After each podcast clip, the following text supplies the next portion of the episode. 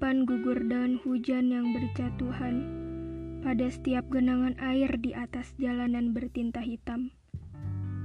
Nampak seduh gugur itu.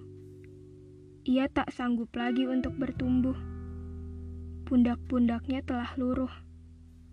Beberapa bagiannya juga telah hilang. Sampai-sampai ada yang tak nampak lagi. Perihal datangnya hujan pun tak membawa apa-apa. Seolah ia tak berguna. Tetapi, ia selalu saja membasahi setiap jiwa yang melewatinya. Dan perihal buku yang digenggam oleh seorang raga, yang menetap di balik tempat berteduh juga tak luput darinya. Karena itu, bukunya basah. Di luar itu semua, ia sempat saja menyeka sudut matanya.